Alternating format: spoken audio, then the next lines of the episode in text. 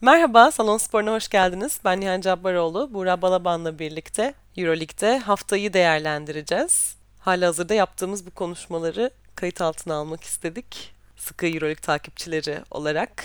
Evet yani salon sporunu da biraz öyle seçtik. Sen de ben de mümkün mertebe e, salonlarda maçları takip etmeye çalışıyoruz yıllardır. Bu yıl Covid izin verdiğince yine salonlara uğrayacağız. Aksi takdirde de evimizin salonunda maçları izliyoruz. Ee, oralardan yorumlarımızı ileteceğiz. Zaten sürekli Twitter'a yazıyoruz, bir köşeye yazıyoruz. Not defterlerimize maç notlarımızı alıyoruz. Bunları da haftalık olarak şöyle 20-30 dakika bandında e, toparlamaya çalışacağız söylediğin gibi. İstanbul derbisi izledik bu hafta. Seyirciler olmadığı için biraz buruk bir derbi haftası oldu Euroleague'de. Anadolu Efes Fenerbahçe Beko'yu konuk etti. Geçen hafta Fenerbahçe Beko Kızıl Yıldız sınavını çok iyi geçmişti aslında. Ama bu hafta Efes karşısında ne yapacağı çok merak ediliyordu. Gerçek bir sınav olarak nitelendiriliyordu. Geçen yılın lideriyle karşı karşıya geldi Fenerbahçe Beko ve alnın nakıyla ayrıldı bu sınavdan. Evet gerçek bir sınav dedin. Çok doğru tabir ki e, Fenerbahçe koçu Igor Kokoşkov da maç öncesi açıklamalarında benzer bir cümle kurmuştu. Yani evet Kızıldız'a karşı kazandık ama e, Efes e, maçı asıl test olacak bizim için demişti ve herhalde Fenerbahçe taraftarları dahi bu kadar iyi bir test verilmesini beklemiyordu. E, geçtiğimiz yılın en iyi ekiplerinden birine karşı, Efes'e karşı. E, çok çok konsantre bir Fenerbahçe izledik. Zaten kulüp tarihinin rebound rekorunu kırması da hani oyunun konsantrasyon departmanlarından bir tanesidir her zaman rebound. Odaklanmayla beraber ciddi e, artışların elde edilebildiği bir departman rebound. Burada da Fenerbahçe'nin baştan sona ne kadar maçın içinde olduğunu, ne kadar e, odağını koruduğunu gördük. Toplamda 48 rebound gibi acayip bir miktara çıkıldı. E, bunların tabii hücum reboundlarında e, özellikle asıl farkını yaratıldığını söyleyebiliriz. Yani 14 hücum reboundu aldı Fenerbahçe ki e, rakip savunmaları çok demoralize eden de bir şey hücum reboundu. Yani savunuyorsun, ediyorsun bir şekilde. O topu kaçırmasına yardımcı oluyorsun rakibin ama sonrasında kendin hücuma başlayamıyorsun. Onlara ikinci şans sayıları sunuyorsun. Ee, bu da tabii Efes'in biraz moral manda özellikle son çeyrekteki o kırılmada oyundan düşmesine yardımcı oldu bana kalırsa. Hücum reboundu geçen yılların Fenerbahçe istatistiğine baktığımızda aslında belki de en zayıf departmanlardan biriydi. Obradoviç Fenerbahçesi hücum verimliliği çok yüksek bir takımdı. Yani daha az pozisyonlu ve bu yüzden daha verimliydi aslında. Yani çok fazla alınacak hücum reboundu kalmıyordu Fenerbahçe Beko için. Çünkü o top hani son e, saniyelere kadar dönüp en uygun pozisyonda kullanılıyordu. Bu anlamda Fenerbahçe Beko'nun oyununun da ne kadar farklılaştığını gösteren bir istatistik aslında. Çok farklı tarzda oynayan bambaşka bir kadroyla, bambaşka bir organizasyonla Fenerbahçe Beko var. Evet güzel söyledin. Ee, hem daha az e, şut deneyen, daha düşük tempoda oynayan Fenerbahçe vardı Obradoviç döneminde. Kokoşkov'la beraber bunun da arttığını görüyoruz. Çok daha kısa e, sürelerde hücumların kullanıldığını, topun çembere yollandığını görüyoruz söylediğin gibi. Bunun muhakkak etkisi var. Oyuncu oyuncu bakmak gerekirse de rebound katkısı olarak belki sadece rebound katkısı olarak değil ama genel oyuna etkisiyle beraber Dişampierre'e bir parantez açabiliriz. Geçtiğimiz hafta Kızılyıldız maçında da yani ikinci çeyrek oyuna girip özellikle reboundlarda verdiği katkıyla bir anda o momentumu değiştiren oyunculardan bir tanesiydi. Burada da maçın belki en iyilerinden biri oldu. Normal rotasyonda da Danilo Bartel kadrodayken belki bu kadar fazla süre almasını beklemeyebilirdik. 29 dakikanın üzerinde sahada kaldı Dişampier ama e, burada Orada da bir 4 numarada eksiklik olduğu için 4 numarada işte Singleton'ı yer yer savunmak zorunda kaldı. Muerman'ı yer yer savunmak zorunda kaldı ama hepsinde çok iyi iş çıkardı. Toplamda 9 rebound çekti. Ee, yalnızca bir sayı kaydetmesine rağmen maçın belki de Fenerbahçe adına en iyilerinden bir tanesiydi. Ee, Dekolo'yu nasıl buldun? Maçın oyuncusu seçildi Dekolo. 20 sayı, 7 rebound, 4 asist gibi yani e, hücum anlamındaki birçok istatistikte kağıdı doldurdu ve gerçek lideri gibi görünüyor Fenerbahçe'nin artık tam zamanlı olarak. Evet geçen yıl sürekli her maçtan sonra sorulan soruydu. Fenerbahçe Beko'nun lideri kim? Fenerbahçe Beko'nun lideri yok. Nando De Colo yani çok büyük bir oyuncu olarak transfer edildi Fenerbahçe Beko'ya. Öyle e, yani Euroleague şampiyonluğu yaşadıktan sonra Fenerbahçe Beko'ya gelmişti. Çok büyük bir yıldız transferi. Ama geçen yıl ya yine çok sayı attığı maçlar var ama Fenerbahçe'nin genel sisteminin içerisinde kendine bir türlü yer bulamamıştı. Yani Fenerbahçe Nando De Colo'nun üzerinden mi oynayacak yoksa kendi takım oyununu mu oynayacak? Böyle bir çatışma yaratmıştı.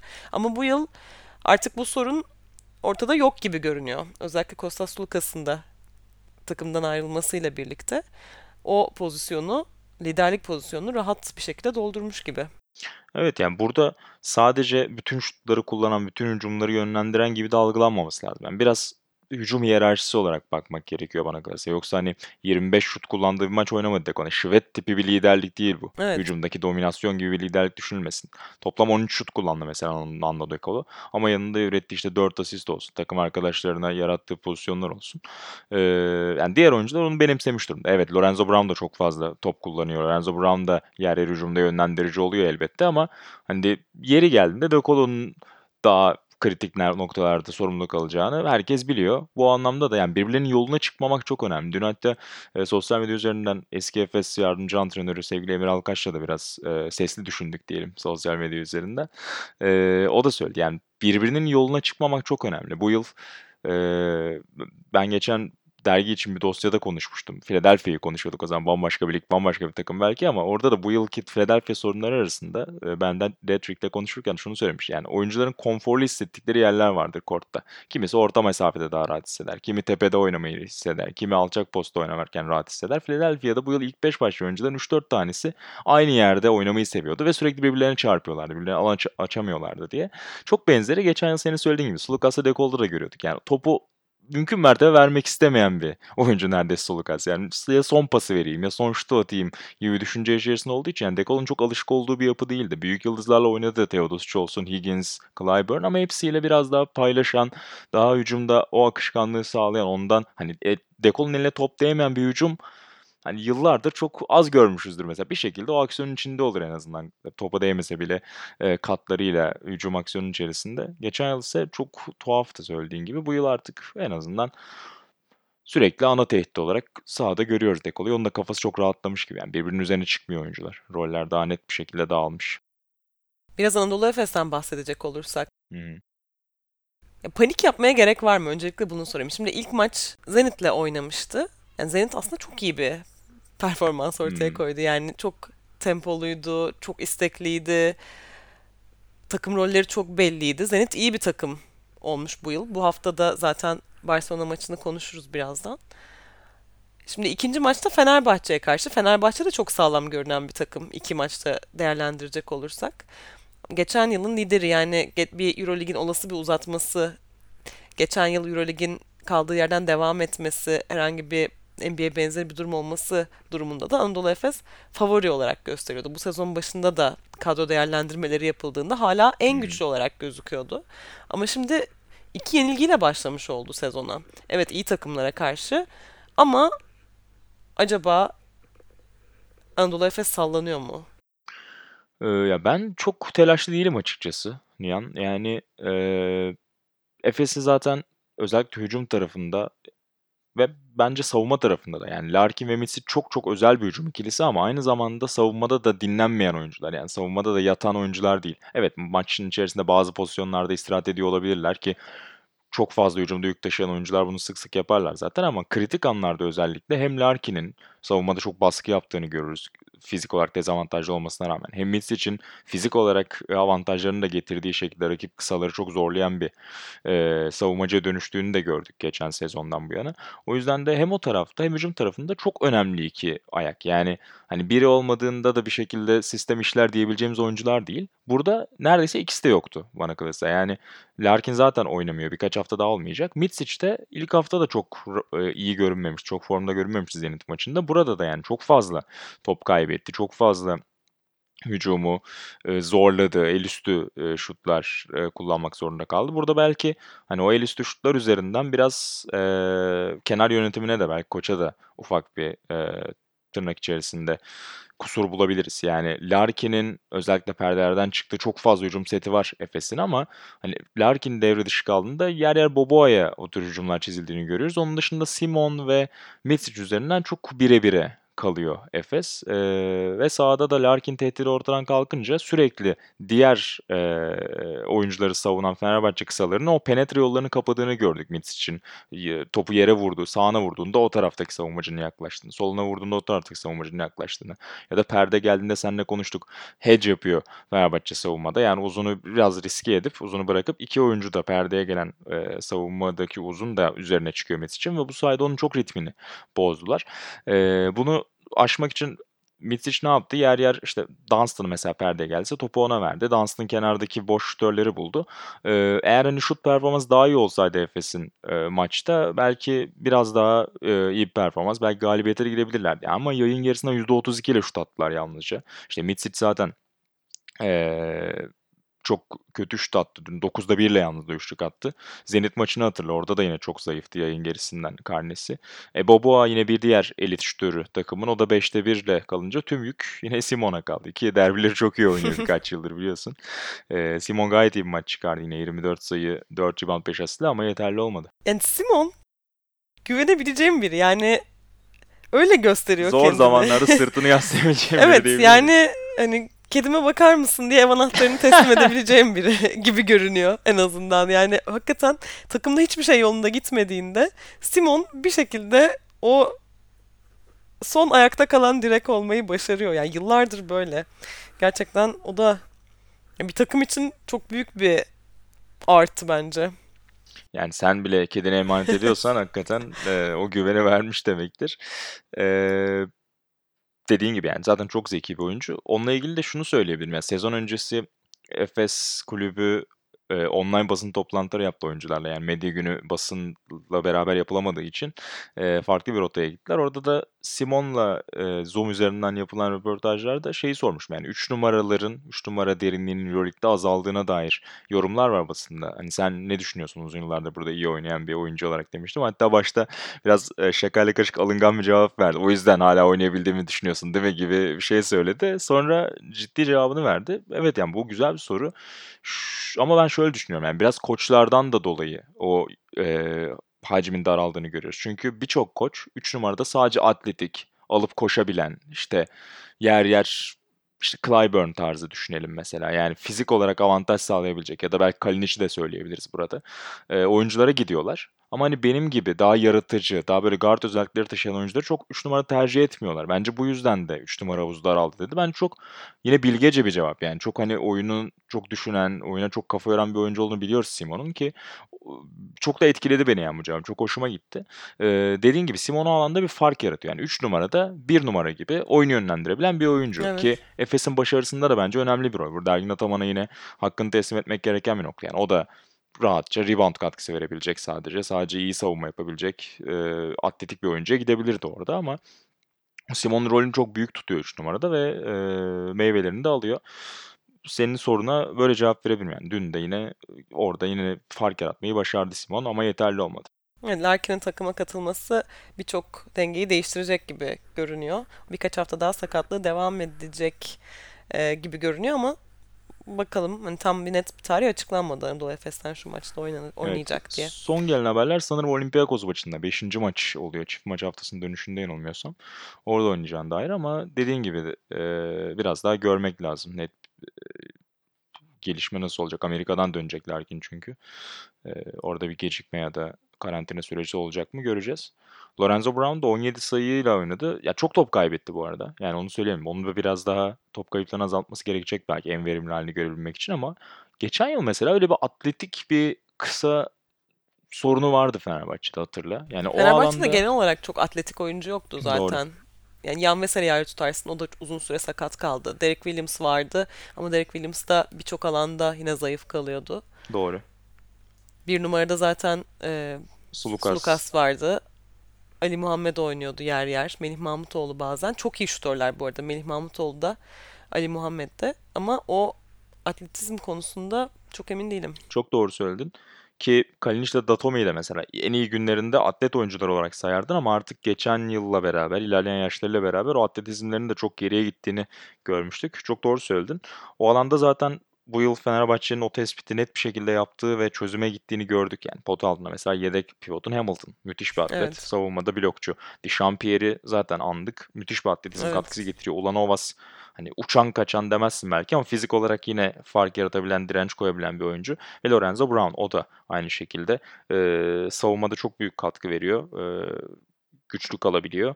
Hücumda da yine topu yere vurup o penetreleri yapabilen, dekolunun başında savunma yükü arttığında ayrı bir opsiyon olarak e, topları emanet edebileceğiniz bir oyuncu. Geçen hafta Kızılyıldız'da da eski takımına karşı gayet iyi oynamıştı. Bence çok daha iyi olacak yani. Top kayıplarını da biraz daha sınırladığında, takıma alıştığında e, çok daha iyi olacak. Bence nefis bir tercih. Yani ilk alındığında çok eleştirilmişti hatırlıyorsun. Evet. Ben hiç katılmamıştım bu Hmm. arada. Ben e, her zaman yani Kızıl Yıldız gibi bir takımda biraz daha oyununun tek yönlü kaldığını düşünüyordum. Şimdi daha derin, daha iyi kurgulanmış bir takımda çok daha iyi olabileceğini gösteriyordu bence Lorenzo Brown. Yani çok bağlı bence çevresindeki oyunculara da onun rolü. Çok doğru söylüyorsun. Yani bağlamla beraber değerlendirmek lazım oyuncuların performansını. Örneğin mesela bir örnek geçen yılki Pengos mesela. Hiç kendinde görünmeyen bir oyuncuydu. Bu yıl Zenit'le daha iki maçta ne hale geldiğini görüyoruz. Ya da Žalgiris'te Final Four'a giderken nasıl Pengos gördüğümüzü biliyoruz. Yani orada bağlam çok önemli. Oyuncuların etrafındaki yapılar çok önemli. Geçen yılda Brown'un etrafında çok böyle sadece kendi istatistiğini düşünüyor gibi görünen, sürekli koç değişen, oyuncular değişen, sezon içi birçok ekleme yapan bir Kızılyıldız vardı ve rakip savunmaların tüm odağı genelde Brown üzerinde oluyordu. Takım arkadaşları da ona çok alan açamadığı için biraz yüzdesi düşüyordu. Bu yıl eee, evet belki %50 ile üçlük atmayacak Brown ama hem o alanda ufak da olsa biraz gelişme kaydedebilir bence hem de onun atletizmi, işte savunma katkısı, hücumdaki o çembere gidişleri Dekola gibi biri varken yani bir tarafınızda Dekola bir tarafınızda atıyorum Gerald Eddy ya da Melih Mahmutoğlu ya da Bobby Dixon varken sizin önünüzde çok daha geniş penetre alanı açılacak. Çünkü size yardıma geldiğinde rakip savunmacılar bir anda o boşlukları bulabileceksiniz. O yüzden e, zaten piyasada da mesela Pengos gittiği anda bir numara e, transfer piyasasına bak Euroleague'de. Yani Nedovic falan kalıyor. Yani Nedovic'i mi alsınlar? Gö- Gördük yani Nedovic'in halini görüyoruz Panathinaikos'ta. O yüzden bence eldeki opsiyonların en iyisini aldı Fenerbahçe. Şu ana kadar da gayet iyi görünüyor Brown. Pengos'tan bahsettin. Ritmini nasıl bulduğu gerçekten göz boyadı Zenit'te. İlk iki haftadan önce Anadolu Efes maçında ardından Barcelona maçında. Yani çevresinin oyuncu üzerinde ne kadar etkili olduğunu ve hatta içinde bulunduğu oyun kurgusunun ne kadar etkili olduğunun çok güzel bir örneği gerçekten. Barcelona takımına geçen sene baktığın zaman müthiş paralar harcanarak kurulmuş en değerli kadrolardan biriydi. Şampiyon olma ihtimali çok yüksek deniyordu ama bazen yönetim de çok etkili olabiliyor böyle durumlarda. Yani bir yıldız transferi yapabiliyorsunuz ama onu kullanmayı bilmediğiniz zaman, ona alan tanımadığınız zaman, özgürlük alanını vermediğinizde veya çevresine iyi bir kurgu yapmadığınız zaman o oyuncu parlayamayabiliyor. Ya da bir koç transferi yapmadığınız zaman. Bazen bir yönetim sorunu da oluyor olabilir tabii böyle durumlarda. Ve Zenit'te e, belli ki Pengos çağrılırken biz seni bu takımın lideri yapacağız ve sen istediğin gibi oynayabileceksin ya da istediğin yetenekleri gösterebileceksin denmiş ve bu alanda Pengos'a sağlanmış. Bu yüzden kalitesini çok rahat bir şekilde ortaya koyuyor ve bence bu tarz yani liderlik rolü çok belli olan ve bu vasfını iyi kullanabilen oyuncuların şöyle de bir özelliği var. Takımın geri kalanını da çok rahat bir şekilde ateşleyebiliyor. Hele bu oyuncu oyun kurucu pozisyonundaysa. Bence Zenit'in başına gelmiş en güzel şeylerden biri bu sezon. Yani takımda sadece rollerin belli olmasının da ötesinde müthiş bir mücadele de var. Yani her oyuncu her top için savaşıyor. Bu hafta Zenit'te Covid pozitif çıkan oyuncular oldu. Hı hı. Eksik bir kadroyla aslında çıktı Barcelona karşısında. Bir de Barcelona maçı yani aslında hani isim olarak bile çok korkutucu bir maç ama Zenit kazanacağına da çok inanıyordu takım maçın başından bu yana ve bazı takımlarda o ışıltıyı görürsün yani mücadele etme ve oyundan keyif alma ışıltısı. O rekabetçilik vardı bence Zenit'te. Kesin öyle yani. Geçen hafta Efes maçında da mesela ilk çeyrekte daha hani sezona başlıyoruz, iyi başlayalım, güçlü başlayalım mesajını verir gibi. Yani çok sağlam bir savunma baskısıyla başladılar ki hani personel personel baktığında Pengos hani fizik olarak zayıf bir oyuncu ve iyi bir savunmacı değil. Billy Bayron yine şut özelliğini konuşursun. Casey Rivers artık yaş geldi, biraz bacaklar yavaş ama işte o enerji hani hustle Evet. dediği Amerikalıların o ekstra efor, ekstra çaba çok şeyi değiştirebiliyor. Casey Rivers geçen sene de öyleydi. Yani Hmm. yaşlı deniyor ama bence geçen yıl Jalgiris'e geldiği andan itibaren de takımdaki o enerjiyi değiştirmiş bir oyuncuydu. X faktör olduğu çok maç oldu. Evet. Doğru söylüyorsun. Ee, burada da yine bir iki çok kritik şut soktu hatta. Sonrasında o meşhur İngilizce kelimeyi de sarf ederek bas bas bağırdığını da gördük yakın planda. Ee, evet yani keyifler yerinde. Xavi Pascual zaten yani çok değerli bir koç. Bir süredir e, ligin dışındaydı ya da Panathinaikos'a geldi mesela ama Panathinaikos çok kolay bir deneyim olmadı onun için ki zaten kimin için kolay bir deneyim oldu ki son yıllarda Evet. demek lazım. E, Pitrion'un yarattığı ufak kıvılcımlar hariç. Ee, ama işte Barcelona'da bundan 10 yıl önce yanılmıyorsam Euroleague'in en genç şampiyon koçu olmuştu. 2010'daki Barcelona şampiyonluğuna giderken henüz 38 yaşındaydı Xavi Pascual. Ee, çok parlak bir kariyeri vardı. Sadece işte Obradovic eşleşmelerinde bir iki e, kötü giden sezon onun biraz fiyakasını düşürmüştü açıkçası ama her zaman A planı çok konuşulur. İşte no- uzun sezon planlarında Barcelona'yı çok başarılı sezonlar da yaşattı. O yüzden Burada da yani Zenit gibi bir kulüp için çok büyük bir şans. Xavi Pascual'in diğer e, büyük takımlarda yer bulamaması. Burada da hemen gördük zaten yani ne kadar etkili olduğunu. E, o enerjiden bahsettin sen. Pot altında da Poitras'ı Evet. sayabiliriz. Yine o enerjiyi çok arttırdı bugün. Çok çok iyi oynadı geçen yıl Galatasaray'da izlediğimiz Evet. Poitras. Double double yaptı galiba zaten. 11 rebound 16 sayı. Gayet iyi görünüyorlar. Savunmadaki o enerjiden bahsettik. Hücumda da Pengos ilk çeyrekte mesela biraz tutuk başlamış. Kalatis gayet iyi savundu. Bu arada onu söyleyelim ama ikinci çeyrekte mesela Örtel sahadayken çok akıllıca hemen Pengos'u attı sahaya Xavi Pascual ve Örtel'e karşı tabii ki baskın geleceğini biliyordu. Pengos bir anda ortalığı birbirine kattı. O fark hatta Barcelona yanılmıyorsam çift tane yaklaştırmıştı farkı ikinci çeyreğin başında ilk çeyreğin sonunda. Oradan hemen geri geldi. Farkı eritti Pengos'un e, sırtında Zenit ve o enerjiyle beraber de ikinci yarıyı götürmeyi başardılar. Çok fazla top kaybı yaptılar mesela ilk çeyrekte. E, orada biraz Kalatis'in Pengos'a baskısının da etkisi vardı. Ama sonrasında işte özellikle Örtel'e karşı kaldığı anlarla beraber e, Pengos kendisini hissettirdi. Tabii burada sen Zenit'in eksiklerinden bahsettin. Barcelona'da da çok önemli bir eksik vardı. Yasikevicius Evet. yoktu. Yani o da yine Covid testi pozitif çıktığı için hem o yoktu hem birinci yardımcısı yoktu. O yüzden de iki sene önce yanılmıyorsam Žalgiris'in ikinci takımını çalıştıran yine Žalgiris'teki yardımcılarından biri olan e, ikinci asistan takımı yönetmek durumunda kaldı. Hani orada da eksikler Tabii. olduğunu analım tabii ki Zenit'ten bahsetmişken. Bu yıl seyirci de takımdan takıma değişiyor. Euroleague bu konuda serbest bıraktı takımları. Ülke kuralları nasılsa o uygulanmaya devam ediyor maçlarda. Ne düşünüyorsun peki bu konuda? Yani çünkü adil rekabete zedelediğine dair e, düşünceler de var. Atıyorum yani Rus takımları sallıyorum 5000 taraftar oynayabiliyor bir yandan ama işte Fenerbahçe, Efes mesela seyircisiz oynayacak ya da bazı ülkeler seyircisiz oynayacak. Hani bari tek bir kural üzerinden gitse gibi bir düşünce de var. Sen buna katılır mısın yoksa hani ülkelerin yaşam biçimi yani bir yandan da çünkü şu da ilginç. Yani Rusya farklı bir hayat yaşıyor şu an Covid'le. İsveç farklı bir Covid hayatı yaşıyor. Türkiye'de farklı bir o, ya o hani dünyada yaşayış farklıyken insanlar bir tiyatroya gidebiliyorken sallıyorum Rusya'da kapalı bir salonda basketbol maçına niye gidemesin sorusu soran da var. Yani iki taraflı bir tartışma aslında ama senin görüşünü merak ediyorum.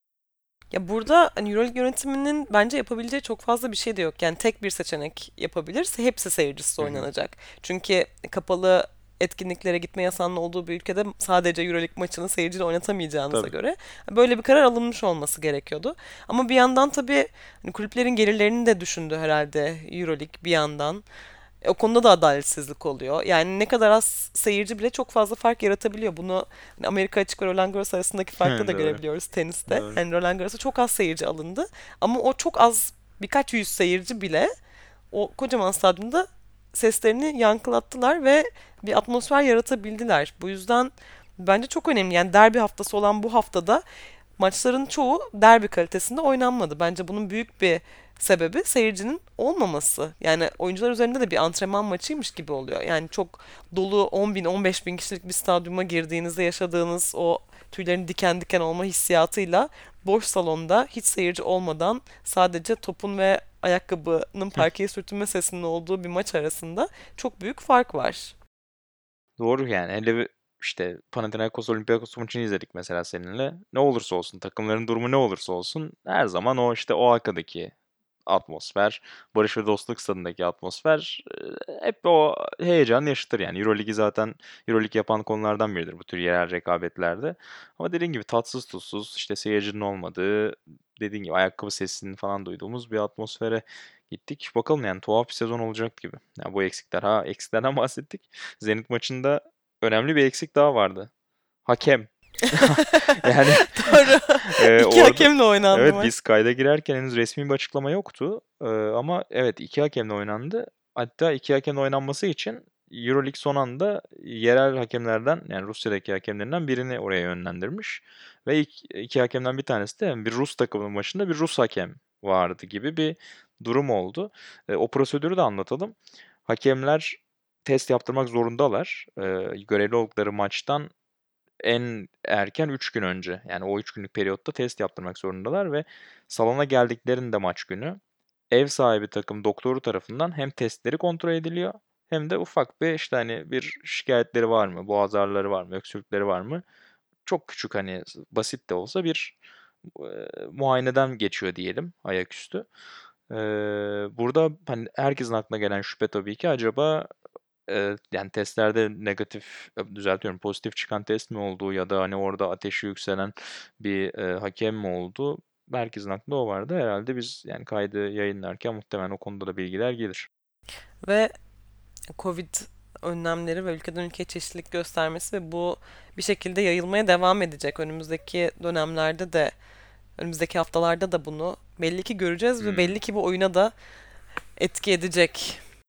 Aynen öyle kaçınılmaz yani hayatın her alanına etki ettiği gibi buraya da edecek ama e, yani bakalım ne kadar e, sezonun akışını ne kadar etkileyecek onu hep birlikte göreceğiz. Panathinaikos Olympiakos maçı vardı. Derbilerden ve seyircisiz atmosferden bahsetmişken. Evet. ya Ovaka'da tatsız tuzsuz derbi diyebilir miyiz? diyebiliriz gerçekten öyle. Yani hiçbir seyirci olmadan da Atina derbisi de hiç yani çok keyif vermedim. Hem maç olarak hem atmosfer olarak. Zaten iki kulüp de hani 10 yıl önce, 15 yıl önceki hallerinden uzaklar. Bir yandan zaten e, en iyi günlerinin gerisinde olan iki takım. Hani Ama en 10 azından... yıldır 15 yıldır takımda oynayan oyuncular hala oynamaya devam ediyor. Spanulis gibi. ee, yani ama hani en azından dediğin gibi atmosferle falan bir şekilde izlenebiliyordu her türlü ama bu sefer yani bayağı zorlandık açıkçası izlerken maçı da onu söyleyelim. Çok keyifli bir maç olmadı. Yani zaten bu yıl Panathinaikos kadrosu da çok zayıfladı. Yani işte Kalatis tutamayacaklarını evet. açıkladıklarından itibaren zaten hani maddi olarak da küçüleceklerini gösterdiler. Koç olarak işte Yorgos Vovoros'a şans verdiler. Yardımcı koç olarak görev yapmıştı takımda. Ee, orada yine yüksek profili bir isme gitmediler. Kısa tercihleri Laprovitola'yı istedikleri çok konuşuldu ama Real Madrid bırakmadı Campazzo'nun ayrılma ihtimaline karşın.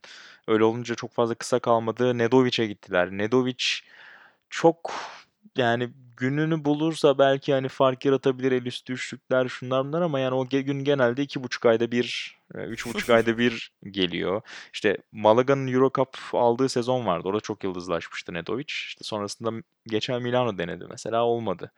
Ee, sen az önce Pengos'tan bahsederken çok güzel bir şey söyledin. Yani önemli transferinizin, yıldız transferinizin bir numarada olması takımı seni çok değiştirebiliyor. Yani Efes bunu yaşadı. Geçen yıl olumsuz örnek olarak Milano yaşadı mesela. Yani Sergio evet. Rodriguez'in yaşı geldiği için yanına bir tane daha iyi bir bir numara lazımdı top yönlendirici. Nedovic olmadı. Shelvin Mack olmadı. Ve öyle olunca da hep böyle bir ağır aksak gitti yani takım. Sergio Rodriguez kötü oynadığında çok zayıflardı. Bu yıl hemen zaten oraya Delaney'i getirdiler mesela. Garanti tercihi yaptılar. Zenit'in bu yıl nasıl dönüştüğünü görüyoruz.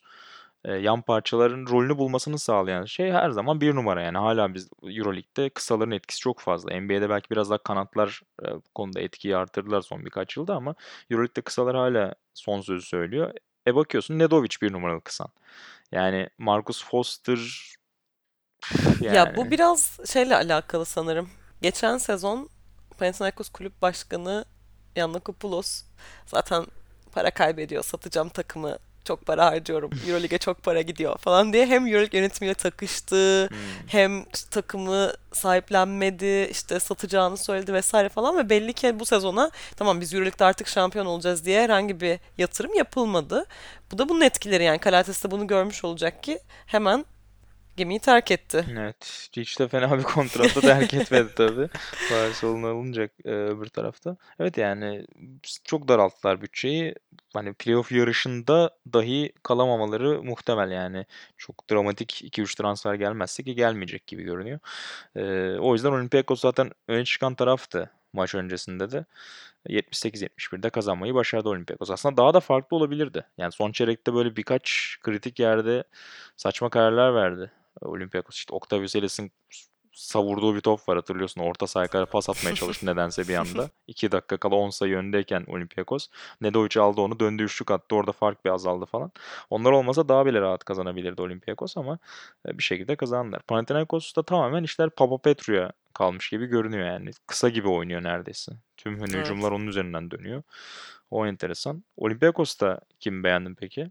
Hasan Martin özellikle az dakika oynasa da benim hoşuma gitti yani potu altında bayağı iyi görünüyor Martin.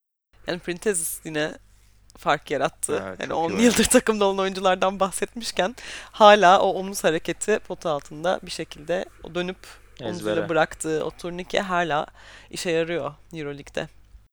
Evet yani birinci ve üçüncü çeyreği çok iyi oynadı zaten ve hani baktığında öyle çok 30 dakika falan da oynamadı. Bakıyorum şu anda 20 dakika oynamış mesela Printez. Evet.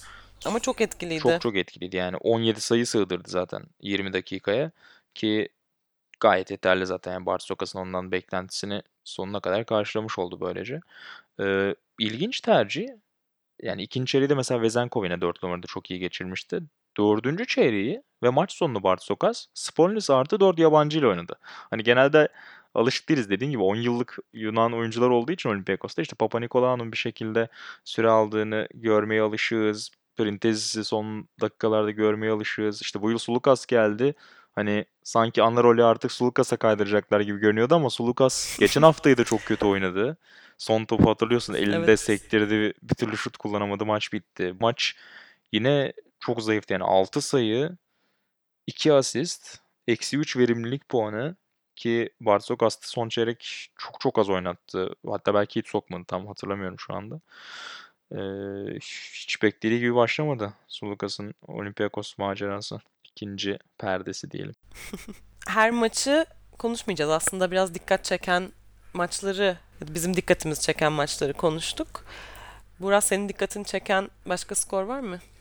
Evet skor olarak paylaşalım. Zaten birçok maç üst üste bindiği için saat itibariyle hepsini izleme şansımız evet. olmuyor. Ee, o yüzden de skor skorda bir iki tane paylaşalım. Valencia Real'i 93-77 yendi ki son çeyreği falan bayağı formalite olarak geçen bir maç oldu. Çok rahat kazandı Valencia. Real'de de tehlike çanları çalıyor e, sezonun ilk bölümünde. Bir diğeri de Bayern. Onlar da zayıf kadrolardan biri olarak görünüyorlardı sezon başında ligde ama Alba Berlin deplasmanında 18 sayı farkla kazandılar 90-72. Geçen hafta da Milano'yu uzatmaya götürdüler evet. hatırlıyorsun. Trinkieri etkisi Bayern'i sarmış durumda. Evet bence Bayern'de kağıt üzerinde tehlikeli olmasa da dikkat edilmesi gereken takımlardan biri. Bu haftayı burada noktalayalım o zaman. Önümüzdeki hafta yine burada olacağız. Görüşmek üzere, hoşçakalın. Hoşçakalın.